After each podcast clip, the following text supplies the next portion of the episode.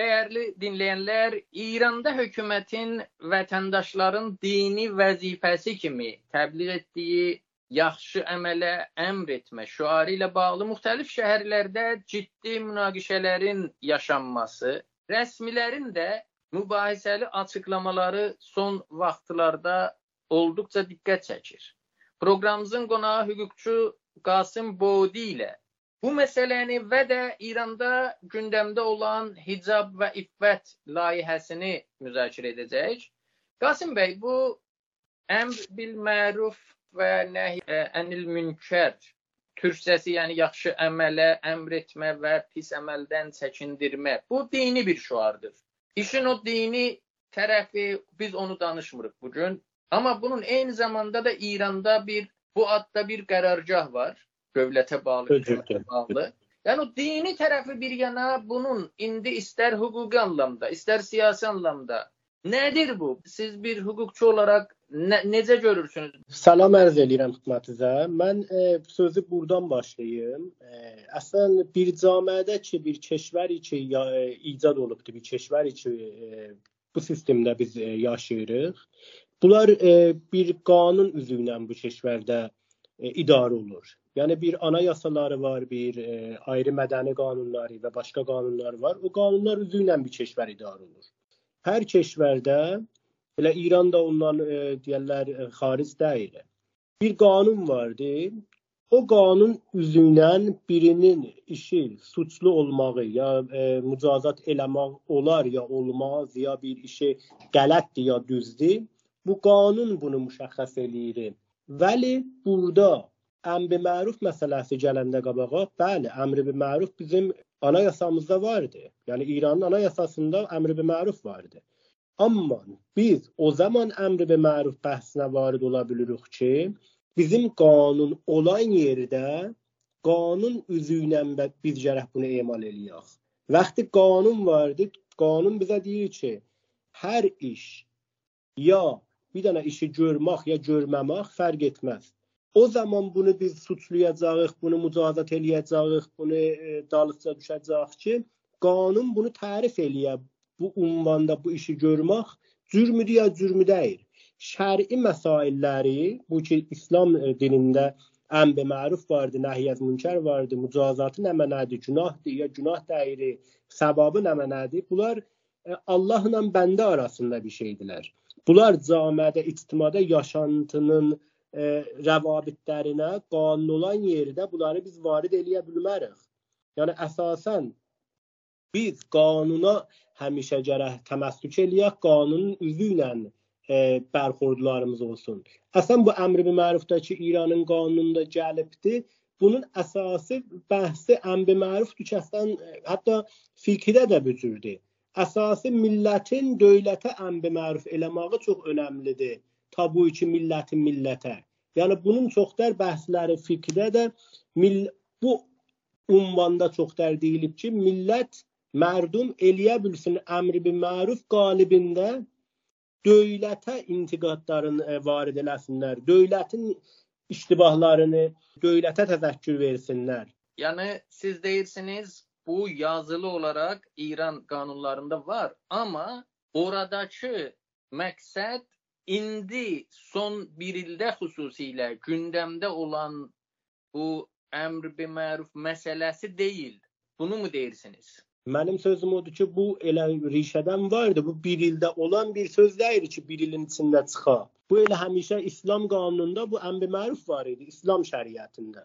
Amma bizim bəhs odur ki, məmləkətimiz İslamı olar olsa da, amma onun kənarında bizim məmləkət qanun üzü ilə gərək idarə oluna. Bizim e, anayasada 167-ci maddəmizdə məsələn anayasa deyir, deyir ki, hər zaman bir qanun əgər olmadı, bir qazi gedəcəkdi, şəridən axtarıb o bir məsələnin hökmünü tapacaqdı. Vaxtı burada bizim qanunumuz var, müşəxxəsdir. Əmr məruf da bir dənə şəri bir mövzudur ki, qanun içində bunun mücazatı zadə bəğeyr az bu qanunu himayət az amirane be məruf nahiyane az münker ki bu neçə ilin içində təsvib olubdu. Ondan sonra bizim bir ayrı bir şeyimiz bu moriddə yox idi. Yəni mücazat üzərində ki, deyək biz bir adam bu işi görsə nə olacaq, görməsə nə olacaqdı.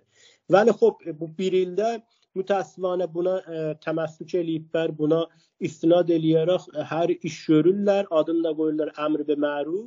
Yəni Qasım bəy, siz də Bəli. işarə eləyirsiniz, deyirsiniz bu 1 ildə o İrandakı keçən il o hicab məsələsi ilə bağlı geniş etirazlardan sonra bu artıq başqa bir şəkildə gündəmə gəldi. Bunu indi İran hakimiyyəti nə məqsədlə bunu ortaya qoyub?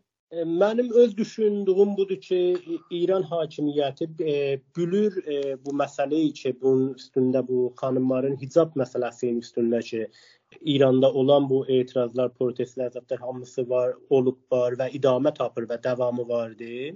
İran hakimiyyəti bunun qabağını almaqdan məncə acizdir. Yəni aciz qalıbdı. Hakimiyyət aciz qalan surətdə gəlir e, neynəsin? Xop bizim özü bilirsiniz İranda da insanların bir iddiası az iddiası ol, olsa da İslam şəriətinə çox inancıları vardı, inanırlar və onu ondan danışanda yəni elə bir hər şey qoyulur kənara. İran hakimiyyəti mənim nəzərimə istəyir bu şər'i bir şeydən istifadə eləməklə o insanları təhrik eləyə bu birisi insanların üstünə. Dərhal ki, hədəfi bu deyil. Yəni hədəfi şəri qorumaq deyil, şəriəti qorumaq deyil, hədəfi e, İslamı qorumaq deyil. Bir para özünə bir siyasi bir e, düşüncələri vardı, bir para özünə bir qırmızı bir xəttlər vardı. Nəzərinə gəlir ki, mənim bu qırmızı o xəttlərimi bunlar keçirlər.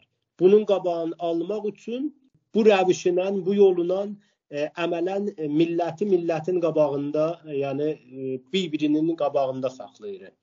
Bu hicab məsələsini kontrol etməkdə istəyir, bunu şeylərdə də eləyir. Məs məsələn, gedir mağazalara deyir ki, burada biri hicabına riayət etməsə, biz sənin iş yerini möhürləyəcəyik, sən bunu kontrol etməsən. Yəni bu hicab məsələsinin kontrolunu başqalarına əslində həvalə edir. O bir dənə elə öcür eləyir və bu bir dənə məmləkətdə bir dənə e, elə anarxistə e, e, bais olar. Yəni məmləkət ya e, qanun üzrə məmləkət idarə olar. Məmləkətin e, qərar olsa ki, hər e, toplum özü təşrif verə, özü icra eləyə, özü dayana, özü müqabilə eləyə, özü məhkum eləyə.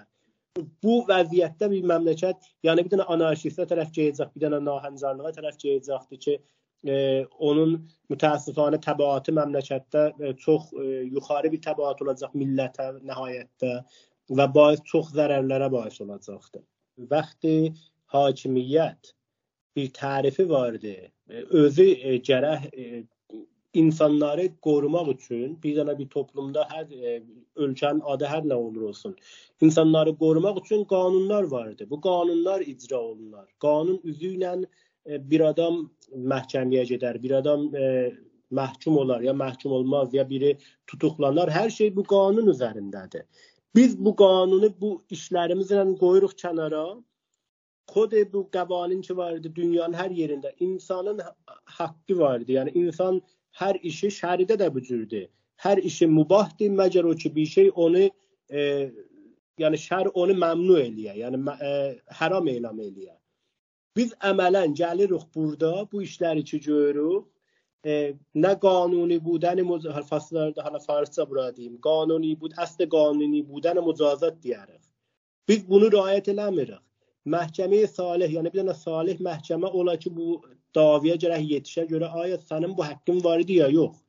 Bu şivə ki, toplum özü gələ bir haqqı icra eləyə. Bu şivə ki, gələ e, bir insan bir insan e, məsuliyyəti olmamış, yəni məsuliyyət qanunu qanun üzündə məsuliyyət olmamış gələ bir iş görə və tocih eləyə ki, mən əmri məruf eləyirəm, fəqət hərcümərc yaradar və bu şivədə dadgüstəri xüsusi deyərdik.